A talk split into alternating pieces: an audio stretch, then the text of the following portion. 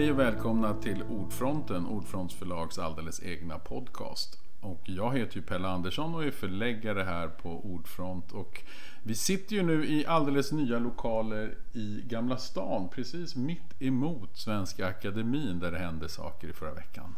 Så det kan låta lite, det kan stöka lite, en bil eller en dörr kan öppnas och så. Men idag ska vi träffa Victoria Myrén. Du har skrivit en roman som heter Sköra varelser. Välkommen! Och sköra varelser. Vi kan nästan börja där. Vad är det med dessa varelser som är så skört då? Ja, det kan man undra. Ja. Eh, direkt så anspelar ju namnet på kaninerna som Mm. finns eh, med i romanen. Mm. Och det handlar ju om att kaniner är väldigt bra på att dölja att de mår dåligt eller att de är kanske skadade eller någonting sånt. Mm. Och att de ofta döljer det så pass väl och så pass noga så att man liksom upptäcker det för sent. Mhm. Eh, och sen... ehm, Och du är hemma i kaninbranschen? jag är hemma i själv? kaninbranschen. Jag har koll på det här. men, men det som är så fint är att väldigt mycket av ehm, kaninbeteende är överförbart på mänskligt Mm. beteende. Så även om det direkt, även om titeln direkt syftar på kaninerna Mm. så, så anspelar det ju naturligtvis på de här varelserna, de sköra varelserna som är med i den här boken, i romanen. Och det handlar i första hand om Nina och hennes syster. Nina som har liksom bott i Stockholm tror jag. Ja. Eller, Och sen, sen flyttar hem till sin barndoms, sina barndomstrakter. Och Mm. till det hem eller det hus där hon har vuxit upp. För att nu ta hand om det huset och också kanske närma sig sin syster igen. Eller hur? Ja, precis. Hennes syster vill sälja huset. Föräldrarna är döda sedan en tid tillbaka. Och då inser hon att nej, jag vill inte det. Nej. Hon har liksom levt i, i något så här vagt ehm, tillstånd där hon inte har riktigt känt vad hon har velat och så efter att hon har varit med om en traumatisk händelse, Nina. Så, s- men det här, det här blir väldigt tydligt för henne. Nej, jag vill inte. Och så köper hon ut sin syster, flyttar tillbaka, tänker att det är en bra idé. Som vi brukar tänka. Som man brukar tänka, tänker att jag är en annan. Mm. Eh, och sen så visar det sig ju när hon flyttar tillbaka att, det, att de väldigt lätt faller in i gamla roller. Mm. Både hon och hennes syster och så. Och allt det gamla bubblar upp på något sätt. Exakt, allt det gamla kommer liksom Mm. tillbaka. Du har ju en tendens att liksom dyka ner i lite jobbiga relationer och liksom försöka gegga runt där och dra i det och försöka reda ut det och så. Vad är det som gör att du dras till sånt som är ganska jobbigt och lite slitsamt? Eller, ja, din första bok handlar om en mamma som typ drar från sin familj och, och sen har du grottat i ma- dotter-mamma-relationen och nu är en syskonrelation. Vad är det som gör att du dras, dras till det här? Ja, kanske vi ska fråga mina föräldrar om. Nej, alltså jag vet inte. Men jag tycker det är otroligt intressant och spännande. Mm. Alltså varför människor gör som de gör. Mm. Och så försätter jag de här personerna i situationer under press där man tvingas att kanske inte vara sitt bästa jag. Ehm, och på något sätt så är jag ju när jag skriver så är jag liksom lika nyfiken som jag tror att läsaren är Mm. när den läser. Att, att inte jag heller vet men att jag skriver mig fram till hur de här personerna agerar och liksom försöker hitta något, en tonträff där jag känner ja, men det här är, jo, men så här är att det här ligger liksom i linje med deras person. Att det här är så här rimligt att de agerar så här och inte på något annat sätt utan för så här agerar den här personen eller så. Men, men lite varför jag är så intresserad av det där. Det, vill du inte gå in på. eller jag, alltså, jag vet inte, men det har alltid, alltid fascinerat mig. Jag, jag kan ju liksom också läsa så dödsrunor i tidningen och gärna lyssna på poddar om svåra öden och så. Men till en viss gräns kanske. Mm. Men eh, ja, nej, det, ja, vad tror du? Nej men det är ju klart att det är väl mycket av det använder man väl skrivande till. Det är väl många författare som gör det. Att försöka reda ut, alltså alla har vi ju sådana här relationer. Vi har ju alla, liksom, de behöver ju inte vara plågsamma eller svåra eller så jobbiga som det har varit för Nina och hennes Mm. syster.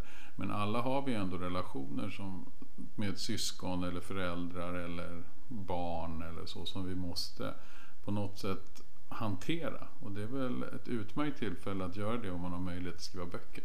Då kan man ju liksom placera det utanför sig själv och titta på det utifrån. Mm. Mm. Ja, men det var väldigt fint. Det var en, en person som, en vän som läste ganska tidigt, eller precis när boken hade kommit Mm. ut. Och hon sa så här, om jag hade folk, jag hade gäster hemma så här i helgen och backade lite och så såg jag på dem. Jag kunde se dem i ett nytt ljus Mm. efter att jag hade läst din bok. Mm. Och det var ju otroligt fint Mm. tyckte jag. Så där, att man kan att både jag när jag skriver och Mm. läsaren kan få syn på någonting eller att, att man kan så byta perspektiv eller Mm. undersöka. Ja men det är väl ett slags undersökande. Ja, och sen så just att man får placera det i någon slags eh, lek, alltså en plats där man kan leka med det här. Mm. Alltså, för att i verkliga livet är det ju jobbigt kanske att ta itu med vissa saker. Men om man kan i romanform kan man ju liksom ställa upp olika personer, sätta dem i en miljö och se vad som händer. Och så kan man ju bearbeta saker. Eller, det behöver ju inte vara ens för ens egen skull, men det kan ju vara spännande att se vad som händer.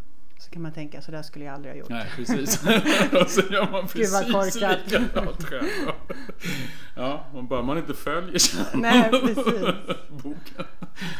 Ja, men var hittar du de här personerna då? När du liksom, är det så att du börjar skriva och så plötsligt dyker Nina upp? Eller har du liksom gått och funderat på Nina innan? Eller hur? Jag Var- tror jag har, jag tror att jag har situationer. Och sen att situationerna kommer i första hand och liksom eh, något slags skav kanske som jag sett i, ja, i någon relation eller så. Och sen blir personerna tydligare efterhand när jag liksom jag har försökt liksom både och. Ibland har jag försökt tänka mig fram till hur personerna är. Mm. Uh, verkligen gjort så här typ släktträd och, Mm. och he- Hela hela, paketet. Ja, Mm. hela paketet. Men det som jag tycker funkar bäst och som gör att jag lär känna dem bäst. Jag tycker att det är att skriva. Skriva mig fram till dem och saker som inte ens, ja men som aldrig kommer med och så också. Mm. Men att på något sätt skriva sig fram till någon plats där man förstår dem eller punkt kanske där man Mm. förstår dem. För det känns ju också i den här boken, själva början där när man, när man är med Nina och hon hör den här flickan som hoppar in Ja. och den här värmen. Och man, ja, men det finns ju, sätter sig en otrolig stämning omedelbart i boken. Av någon mystisk anledning känns det ju lite hotfullt och lite Ja. märkligt. Och, och hur hittar man en sån plats och en sån, dyker den bara upp när man sitter mitt i skrivandet? Eller hade du den där platsen? Och det här ljudet av studsmattefjädrarna och, Ja. och det, satt det med en gång? Eller hur, hur Ja. skriver man sig fram till en sån plats? Alltså jag tror att om man skulle plocka isär den där scenen så skulle man kunna hitta den där studsmattan och det där gnisslet från en viss trädgård. Kanske om man skulle kunna hitta den där flickan från någon annan plats i mitt liv. Och, Mm. Alltså att, att allting kommer ju någonstans ifrån och, och kanske ganska tydligt, tydligare än vad man tror. Mm. Men sen hur det där Varför det dyker upp samtidigt? varför det dyker upp samtidigt och hur. Men, men, men du har ju verkligen rätt i det att den där stämningen det är ju någonting som jag så letar efter och Mm. försöker och som jag går igång på. Eh, och som jag tror att jag liksom har en förmåga att hitta Mm. ibland. Att Mm. just det där när man inte riktigt vet liksom, Mm. vart, vart ska det gå. Och det men det finns någonting som gör att det blir lite obehagligt. Mm. Trots att det är ganska vardagligt. Ja, egentligen är det ju, kan man ju, det kunde ju, det här, just den stämningen känns ju obehagligt också kanske för att man anar någonstans när boken heter Sköra varelser och det, alltså Mm. att här ska det ju också hända någonting. Hade den hetat något annat, alltså, alltså något mera mindre kanske eh, vad ska man säga, känslomässigt starkt som sköra varelser så känner man att de här kan bli utsatta för någonting. Mm. Hade den hetat något annat, något mer positivt så hade det kanske varit så att man började fundera på att det ska vara något mysigt med det där. Något Mm. bara gulligt. Att Ja. Åh vad härligt och vad fint och sommar. Här blir det istället tryckande varmt och Ja, lite sådär att man känner svetten och man känner oh här, lite här bara vibrerar ja, precis. Ja. Mm. Så att det där handlar ju om hela tiden var i vilket sammanhang allting också händer. Ja. Men de här platserna då? Har du sådana på lager? Har du massa platser, miljöer? Hur väljer du ett hus som du redan från början har sett och som du kan? Eller dyker det upp vartefter och sen måste du revidera? Ja, men den kan inte gå ut till vänster för där var det ju ingen... Ja. Mm. Hur ser du den här miljön framför dig? Alltså jag tror en bra grej som jag har är att, att jag kommer ihåg mycket men ganska dåligt. Mm. Så, så jag kan plocka mycket från verkligheten mm. och så blir det ändå inte så som det var på riktigt. Nej. Så jag tror att den här, jag tror att den här villan mm. ligger på Blåbärsvägen. Mm. Eh, och Blåbärsvägen ligger någonstans? I Oxelösund. Ja, okay. eh, men, och, och, det är mina kompisars barndomshem. Mm. Men jag tror inte att den alls ser ut så här. Nej. Jag har varit där ett par gånger bara för väldigt länge sedan. Mm. Men, men jag får någon bild. Och sen, så liksom, huset. ja, mm. och sen så förflyttar jag den till någon annan. Där fanns ju till exempel en pool. Eh, det finns ju inte här då. Nej. Så, men jag tror att det är massa sådana där bilder och ja, men det, är så, det är så intressant när min sambo och jag varit gjort samma sak. Han, kom, han kan komma ihåg exakt vad som hände så här, och jag kommer ihåg en känsla. Mm. Och jag tror att det är den där känslan när jag skriver mm. utifrån. Jag, jag, tappar bort alla detaljer och fakta men, men känslan kan jag komma ihåg så super, superväl och bära mm. med mig jättelänge. Och så parar jag ihop den känslan med en plats eller ett skeende. Eller, mm. så, så den där glömskan tror jag är liksom ganska bra. är det därför också du skriver? För att du vill liksom komma tillbaka till de här känslorna? Eller vad är det som gör att du hela tiden pågående skriver? Ja, jättebra. Jag intervjuade Bodil Malmsten en gång och hon sa så här att ja, men, varje gång jag går över gatan typ så måste jag skriva om det. och att hon inte hade en aning om varför. Nej. Men att det fanns ett så otroligt starkt behov av att skriva om mm. varenda sak som hände. Kan jag känna igen mig. Eh, lite att förstå kanske de här mm. känslorna. Mm. Sen är ju det här en fiktiv ja, värld. Och, men, alltså, mm. men på något sätt ändå undersöka vad det handlar om och mm. varför, varför gör de så här. Och, ja, lite sånt. Mm. Och hur, hur väl vet du när du börjar skriva då att det ska vara Alltså den här platsen känns ju ändå väldigt säker. Den har du liksom Platsen har du och du vet att det ska handla om de här syskonen. Men hur mycket mera personer och saker som händer runt omkring finns eller som bara, ja ah, men nu måste det här hända. Eller skriver sig berättelsen in i det. Så att det plötsligt är så att den här grannens, mannen som bor i huset bredvid måste dyka upp. Han dyker bara upp. Ja, eller? ja lite. Eller flickan som hoppar på studsmattan. Ja, ja, att hon ska bli viktig för berättelsen. Hon kom väl rätt mm. tidigt. Mm. Eh, mannen där kom lite senare och mm. hade väl en annan roll först liksom. Eh, men jag tror att det att jag vet när jag börjar så vet jag premissen, jag vet liksom en del Um, jag vet kanske slutet, nu ändrades ju, mm. eller ändrades, det var inte jag som gjorde det, det var någon annan. någon annan typ. Nej men, ja, så här då, berättelsen mm. krävde ju ett annat slut, mm. så kan man väl säga. Ja. det tror jag är sant. Mm. Eh, som Vi hoppas jag, att det är sant. Ja, som inte jag var jättesugen på att skriva till en början. men, men man fick ju eh, med hjälp av dig och Helena mm. som sitter här bredvid eh, redaktör så mm. fick jag ju liksom bita i i det sura äpplet. Ja, sen var ju det väldigt bra och mm. roligt också. Mm. Så. Um, men så, det, så jag visste ju en riktning men sen visste jag kanske inte Exakt eller, hur det skulle nej, vad som skulle hända. Och um, skrev mig fram till det. Mm. Och jag tror ganska mycket av det som jag liksom skrev ja, var det som att jag hittade saker där. Precis. Och sen har ju du och jag pratat lite också. Mm. Skruvat på en del grejer och Precis. så. Ja. Men har det varit så här varje gång när du sätter dig ner och skriver? Just alltså, när du, de här platserna, de här människorna, hur de dyker upp. Har det varit ungefär samma process varje gång? Alltså från debuten fram till nu? Nej, det Nej. tror jag inte. Jag tror att det har sett olika ut. Nej. Och här är ju mitt dåliga minne liksom en, någonting dåligt. du har ingen aning? Nej, men jag, fick, jag undervisade ju på Skrivarakademin mm. och så fick jag hade kurs här nyligen och då fick jag just den frågan, liksom, exakt hur, den som du ställde. Mm. Och jag hade väldigt svårt för att redogöra. Men jag vet att det har varit olika. Mm. Ehm, och ja, kanske att liksom början på den här var ganska tydlig och det tänkta slutet. Ja, någon tidigare har ju roddat om mer och Mm. sådär. Men lite grann det här att skriva sig fram till berättelsen, det tror jag att jag har gjort ändå varje gång. Jag har, tänker ju alltid att jag ska ha ett synopsis. Och Det, att det tänker ju vara, många. Ja. Som deckarförfattare och så har ju oftast väldigt tydligt. Ja, De vet precis vad som ska hända för att de måste hålla reda på så många olika intrigtrådar och så. Men de flesta som skriver annan typ av skönlitteratur har ofta inte det. Utan måste nästan skriva färdigt innan de vet innan man kan skriva, nu kan jag skriva ett synopsis. Precis. Nej, men det, det dödar ju lusten. För mig Ja. gör det. Jag har verkligen försökt. Men Mm. då känns det som att man ska traggla med det här som jag redan har tänkt ut. Det blir Mm. jättetråkigt. Mm. Att, eh, men men vad, vad tänker du? Eller har du, har du hittat någon sån modell som att det går att göra?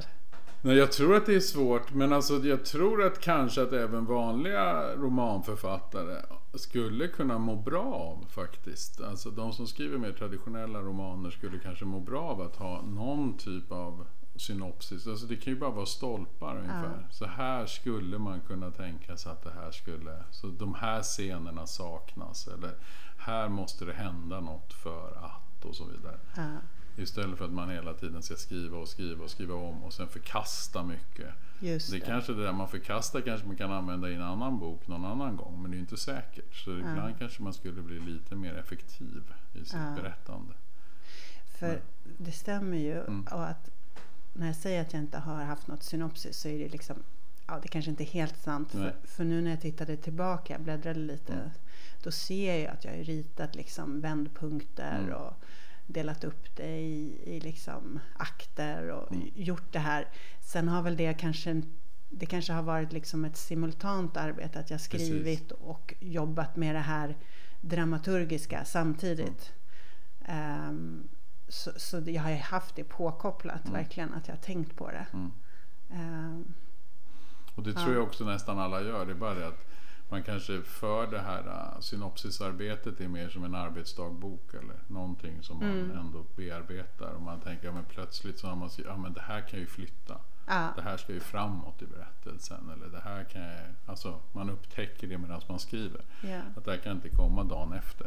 För Ja. det funkar Nej. inte. exakt. Man kanske inte ska vara så rädd för det heller. Det, om jag ska ha en ambition med nästa så är, Mm. bok så är det nog det. Liksom, att inte vara rädd för. För man kan ju alltid ändra sig. Precis. Det är det man oftast tror jag inte tänker när man är mitt i det. Nej. Att det ska komma som ett flöde. Och Ja. sen så vet man ju ändå att det är flera års arbete och det kommer någon trött förläggare och säger ifrån. eller redaktörer. Ja, men så här kan du inte göra. Så här kan vi ju inte ha ja. Ja. Nej, men så det, Man vet ju att det ändå är ett slags arbetsprocess. Mm. Och jag menar, du som är van att, När du skriver journalistik då? Är det liksom, då är det mer...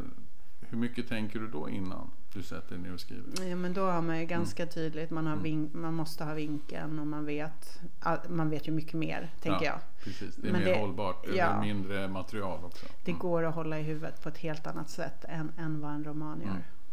Så den tydligheten har man ju aldrig. Men eh, eh, ja, Men sen så är det väl också det, tänker jag, att när man som författare skriver, man gör det ju också för att man tycker ändå det är relativt roligt att skriva. ja, Så det gör ju inte så mycket att man skriver för mycket eller skriver snett eller kommer på sig, ändrar, skriver om. Eller? Mm. Blir det som ibland tröttsamt?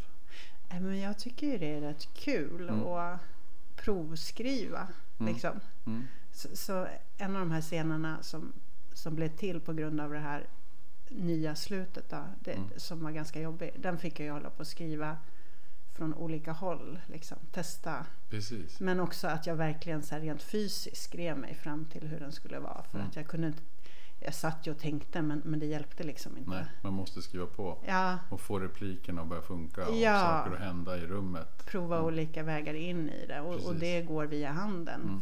för mig. Så, så det var ju, ja, men man får, jag får ju väldigt ofta som skrivlärare den där frågan, men hur gör du och hur Mm. gör man på ett, och alla vill ha något effektivt sätt. Och så vet man det. bara så att det här Skriv. kommer ta mycket längre tid än vad du Ja. någonsin tror. Mm. Och det finns ju verkligen, alltså det är ju en kliché kanske, men det finns ju inga facit. Och, och man måste hitta sitt eget sätt och allt det där liksom. Mm. Men, men jag tror det är jätteviktigt som du säger att det måste ju vara roligt på vägen. Ja, annars blir det ju hopplöst. Ja. Faktiskt. Så att, eh, Ja, för det är så roligt för det är så många olika. Du är ju en sån som tycker om att få kritik och tycker om att skriva om och fixa. ja, Jag vet också, jag hade ett samtal häromdagen med en, en deckarförfattare som jag plötsligt gjorde. Jag tyckte att jag kom med ganska hård kritik om hur han skulle använda en del av intrigen. ja, Och svaret blev bara Ja! Yes! Jag får gå Och det kan man ju inte veta innan. Om, om författaren kommer till Nej, ska jag göra om igen? ja. Eller om den blir Yes! Nu Ja, får jag nej. pröva det här.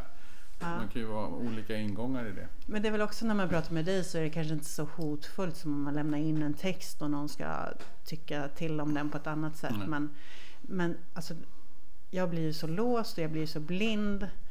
Och så kommer någon och säger så här, ja men du kanske kan ändra från sommar till vinter så Ja. stämmer det bättre med att det är snö ute. Mm.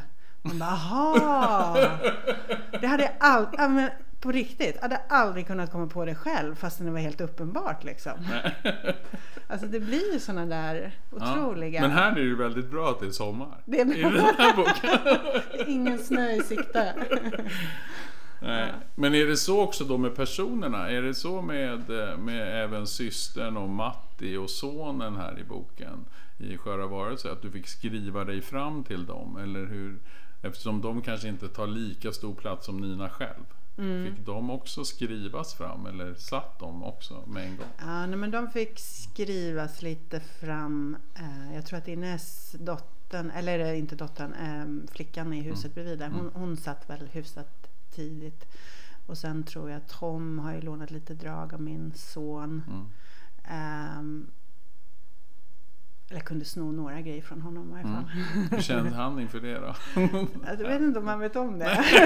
nu har vi outat något. Jag tror jag har sagt, jag har sagt Du något får förklara vilka delar sen. Han har den där grejen att han drar ihop ord. Precis Mm. den finns ju med i boken och, och som, som också någon verkligen gillade. Och då så sa jag det till honom. Ja men det tyckte han var bra. Han väntar liksom på eh, pengarna. Det är det han väntar på. Att han ska få en del av inkomsterna. Hur stor del, hur bara procent har Tom precis. av boken? Ja, det är det vi ska räkna ut. Mm. Nej men så lite så är det ju Mm. och ehm, det vet jag ju när Helena sa vid något tillfälle där att eh, hon reagerade på Toms på dialogen där. Det var vid något tillfälle som, som det var någon replik, något som han sa som skorrade. Mm. Och det som var det fina med det var ju att, att han verkligen hade fått sin egen röst. Mm. Och när hon Precis. pekade på det så såg jag ju det och så tänkte jag, ja ah, men vad bra liksom. Ja, och så, Mm, sen så här kunde- låter Tom. Ja men Mm. precis, att de blev De hade sitt eget sätt att Olika saker de gjorde också som, som ligger i linje med hur de är. Så, så de är ganska levande för Mm. mig. Och det är också viktigt, det är otroligt viktigt i en bok att man inte heller ska behöva skriva sa Tom, sa Ja. Nina egentligen. Alltså man, det ska vara helt självklart vem som pratar hela Mm, tiden. mm. För att alla har sin egen röst. För så är det ju i alla samtal i verkligheten. Mm. Det är ju inte så, man behöver ju oftast inte förklara, säger Pelle varje mening. Så att det, det är där är ju, att det sitter är ju väldigt viktigt. Ja. Att varje person är så utmejslad och har sitt uttryck. Mm. Ja. Och den här uh, Matti är ju speciell också tycker jag. För det, man känner ju också redan när, när hon ska få hjälp av Matti. Att det är, så här, är, det verk, är det verkligen en bra idé? Ja, ja. men, ja, jag gillar Matti. Han Mm. kanske inte han kanske inte är helt oproblematisk. Nej, Liksom. nej. Men, men ja, jag tycker om honom Mm, trots det. mm. Och varför ville du liksom utsätta de här för det här? Sen? Matti och Nina och, och systern. Varför tycker du att det är viktigt att det hamnar där det hamnar berättelsen? Utan att säga för mycket. Mm, Ja. Det kändes som att det låg i berättelsens DNA eller någonting. Att, Mm. att det var tvunget att sluta där. Mm. Och kanske, ja det var jag som hade skrivit det som ledde fram till det. Mm. Så, så det borde jag ha svar på varför. Mm. Men, men ehm, ja, deras person, att, att det liksom det kanske inte är helt eh, att jag har det i frontalloben. För ibland känns det också som att de här personerna, alltså om vi säger att det egentligen är, finns en konflikt mellan Nina och hennes syster och så, så känner man att det är Nina som på något sätt har varit är någon slags offer. Mm, Och så när hon kommer tillbaka in i berättelsen, flyttar tillbaka så tar hon både kommando men vet heller inte riktigt vad hon utsätter folk för. nej, Och så dras Matti in. ja. Och bara, vad han stackarn, vad han gjort? Ja. Precis. Men jag Ja. tror att det finns en Mm. känslomässig logik i det. Även som bara måste liksom följas. Ja, Mm. exakt. Som, som måste följas och ehm, att det handlar ju om deras roller, deras positioner, makt Mm. gentemot varandra. Men Precis. sen tror jag inte att liksom jag tror inte Nina är fullt medveten Nej, om, vad hon håller på. Nej. Och, inte Lisen och inte Matte heller. Nej. Liksom att, att, och det är väl definitionen på en familj eller en, att man gör saker utan att riktigt koll varför Mm. man gör det. Man har sina roller, man har sina mönster, Mm. saker man har. Man tror att man är en annan, att man Mm. kan vara på ett annat sätt. Eller att man kan stå utanför fast Ja. man inte gör det. Ja. Man tror att man kontrollerar en situation. Precis, eller att ja, men det där har jag, jag kommit förbi det. Ja. M- Men så är det inte så. Nej.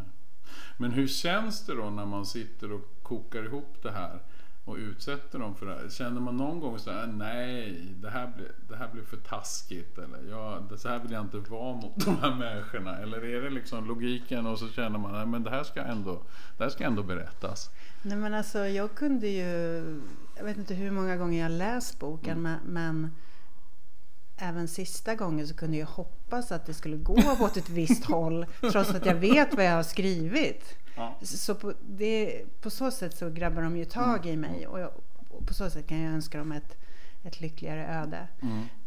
Sen är ju inte berättelsen, eller vad som händer med dem vet vi ju inte efter Nej, efter att Boman har slagit ihop boken. Nej. Ja, det, alltså det känns ju som att det också finns möjligheter till att... Eh. Finns det ibland en lust att fortsätta skriva då på det? Alltså så här, tänka att nej, men det här skulle jag vilja jag skulle vilja rädda dem. Eller, vill- alltså, ja, alltså jag har inte haft det tidigare men, men kanske lite den här gången att man skulle vilja ge dem ett bättre öde. Men, men jag vet inte om det går heller. ja, men sen så är det väl alltid så med berättelser att de fortsätter ju sen ändå. Ja, Alltså det går ju aldrig. Förhopp- alltså, för det första så går man ju själv som, som läsare går man ju förhoppningsvis att fundera vidare. Vilket man gör. Man Mm. vill ju själv försöka tänka ut vad skulle kunna hända. Hur skulle man kunna sy ihop den här världen för dem? mm, Hur skulle deras relationer kunna bli bättre eller skulle man vilja ha ännu mer hämnd? eller vad det nu kan vara. Alltså man går och Mm. funderar på det. Men jag tror att även de som fortsätter skriva på sina berättelser blir ju aldrig färdiga. nej, Det blir, det blir ju alltid ett nytt slut. Hur man än gör. ja, det, ja, precis. Man blir aldrig klar. Nej, men visst skulle det vara fantastiskt att dyka ner om tio år och se vad som har hänt dem. Mm. Vad de, Precis, det vore väldigt kul. Jag Ja. skulle också vilja veta det. Vad händer om tio år? ja. Nej, men det, finns ju, det finns ju ändå författare som ibland gör det. Här, på något sätt. Fortsätter skriva vidare på historien plötsligt, många år Mm, senare. mm. Eller att man bara skriver någon slags nytt slut. Eller man Mm. får för sig att den här berättelsen kan ta den här vändningen. Mm. Men som sagt, på varje gång de sätter punkt så fantiserar ju både vi läsare vidare. Alltså Mm. det är ju det som också, hur ser du på det då? Ser du, hur tycker du det att få reaktionerna sen? För det är ändå, är det liksom det som också är grejen med att ge ut en bok? Att det blir ett samtal kring det? Eller? Ja, det är lite kluvet. Jag ska ha en frukost imorgon med en kompis som har krävt det för att han vill diskutera boken. jag bävar lite inför det här. Nej, men ehm, Och frukost också, tidigt på morgonen. Ja. Skitjobbigt. nu är Ja. jag morgonpigg så ja, vad bra. det är kanske är mitt bästa. Men Mm. nej, men vad ska man säga? Alltså det är ju Det har varit väldigt fint den här gången att få reaktioner för folk har tyckt så himla mycket om boken och eh, ja, så, så, då är det ju alltid liksom, det är klart att det är roligt. Mm. Sen, sen när vissa är ju mer liksom ambitiösa och nitiska än andra och börjar diskutera saker med mig som jag då kan jag känna så här, men vänta nu. Paus. det där får du ta hand om själv. Ja, ja, men precis. Det är svårt för att det finns, i det finns också en önskan tror jag. Mm. Om ett visst svar eller en viss liksom. Mm. Och få bekräftat sina egna tolkningar. Ja, sådär. exakt. Att ja, men det här som jag såg eller det här som jag läste. ehm, att det är, mm, det är så som du har tänkt också. Mm. Och, ja, men, Och det är ändå inget svar vad författaren tänkte. Nej. Egentligen, eller hur? nej. Allting ligger ju sen i, i läsaren. Mm, mm, Eller hur? ja. Men eh, för, för det kan man ju också alltid tänka på. Det Är, liksom, är boken nu utskickad i världen för att göra sin egen resa? Eller är man mån om att den... Ja, så, men du är inte heller så mån om att den ska tolkas på ett visst sätt eller leda till någonting. Den är inte där för det. Den har inget syfte på det sättet. Men det har jag lärt mig Mm. tror jag att jag måste släppa. Mm. Att, att det, man kan inte Nej. styra det, hur Nej. den läses. Och, och det har jag ju liksom erfarenhet av också tidigare böcker. Att någon kanske tycker den handlar om döden, Mm. någon tycker den handlar om någonting annat. Beroende på vad man själv Lägger har in med det, sig precis. också. In, dels vad man läser och vad man har med sig in i läsningen beroende på var man befinner sig i livet just nu. Mm. Så att ibland har det ju varit så här saker som jag naturligtvis har skrivit men inte tänkt så mycket på att Mm. jag har skrivit. Mm. Liksom, att det, den här tematiken finns också Mm. men som har varit jätteviktig för någon. Det. Så det är ju det är ju lite intressant att det kan finnas ja, så många olika läsningar av. Men nej, jag, jag försöker inte jag släpper den liksom. Mm. Så jag tycker nästan att den här tiden strax innan eh, släppet, Mm. när man håller på att finlira med det sista, Mm. bara justera, justera, justera och pilla, pilla, pilla. Det är ju typ den allra bästa tiden. Och sen blir det aldrig liksom lika bra som det Nej. var då. Nej, men det är ju skönt att den blev bra då, eller hur? Mm. ja, det känns väldigt Och Du är härligt. väldigt nöjd. Jag är Mm. väldigt nöjd. Mm. Ska du, sitter du i nytt skrivarbete nu? Jag sitter i nytt, Så, men mm. väldigt riktningslöst. Mm. så här frammelskrivande. Att jag försöker och varje gång det kommer en tanke att ah, men det här skulle kunna bli en story Mm. eller det här, nu kan du dra åt det här. Alltså försöker jag släppa det och bara skriva utan, eh, utan att tänka bok eller manus eller så. Utan mer bara skriva fram olika saker och hålla igång Mm. skrivandet. Mm. Liksom. Är det lätt att göra så? Eller Eh, börjar man väldigt snabbt tänka att det här borde bli en bok? I teorin är det lätt. Ja. Jag brukar säga till mina elever. Ja. nej, men nej, det är ju skitsvårt. Ja. Det, det är som att den där hjärnan kopplas på. Men när jag väl är i skrivandet. Om jag håller borta den där rösten, liksom puttar undan den eh, och sen bara skriver. Då, då kan jag vara i och då är det ju härligt att, att skriva. Eh, jag tror att det är bra. Det är ju därför jag gör det också. Mm. Alltså, jag tror att det är dumt att, bestämma sig. Ibland kanske man har någon idé och någonting är tydligt ganska tidigt. Men, men just nu det känns som jag har många saker som, som bubblar. Bubblar, ja. ja. och som, och så, men det är ju börja skriva om olika relationer. Det, jag hamnar ju hela tiden där. och, så Vad är, finns det för och så nya? är det lite sårigt och så lite jobbigt och så lite bara... Ja, men din fråga är ju verkligen, den är verkligen relevant. Varför håller jag på och traggla med det här? Men eh, det kanske vi får reda på någon gång. Ja, kanske kommer en avhandling så småningom. ja, tack så hemskt mycket Victoria för att du kom hit till Ordfronten och pratade om sköra varelser. Tack så jättemycket. Tack. Det var väldigt kul. Ha det bra. Detsamma. Hej då! Hej. Och Ordfronten kommer tillbaka med fler avsnitt så småningom. Ha det så bra. Hej då!